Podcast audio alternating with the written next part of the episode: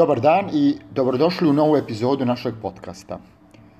Današnja epizoda se zove Kratka marketing analiza crnogorske vlasti. Strateški marketing je fantastična nauka.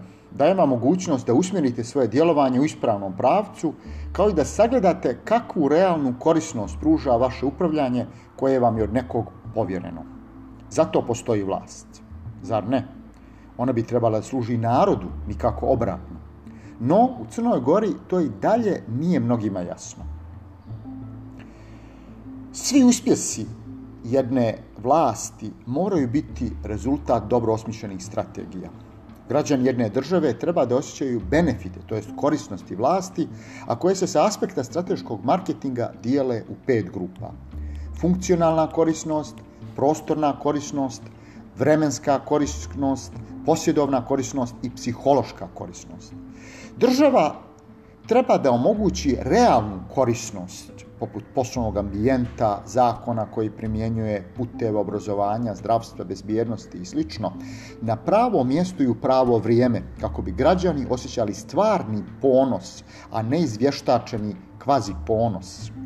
S druge strane, vlast se mora voditi svim ovim korisnostima kako bi kreirala uslugu vladanja za koju je izabrana od građana u vremenski limitiranom ugovoru. Jer izbori su ugovor i ništa više. Tako treba da bude. Kada za potrebe građana između ostalog, između ostalog vlast vrši javne nabavke, mora se voditi ovim korisnostima za građane, a ne za svoje lične džepove ili liječenje kompleksa.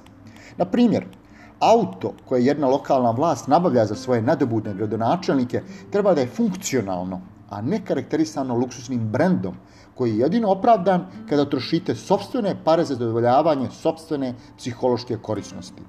Kako se ponaša crnogorska vlast? Na voznom parku pozavidjeli bi im i bogate zemlje. Dok se djeca i siromaši liječe SMS-ovima, bahata crnogorska vlast troši narodne pare za liječenje sobstvenih kompleksa.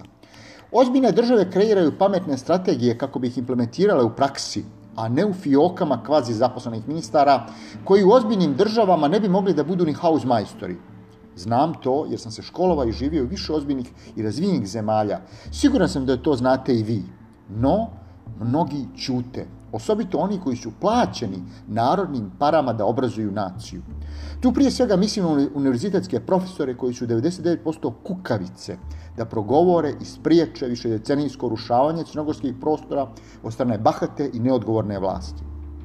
Pojedini su i gori od toga, jer se kvazi stručnošću koja nikada nije testirana u međunarodnim okvirima stavljaju na stranu bahate vlasti, čime postaju saučesnici kraha sa istorijske tačne, tačke gledišta raznim površnim ispitivanjima javnog mnjenja, a koje ne ispunjavaju ni osnovni uslov metodološkog kvaliteta upitnika, varaju narod na bazi pogrešno kreiranih indikatora i načina njihovog mjerenja.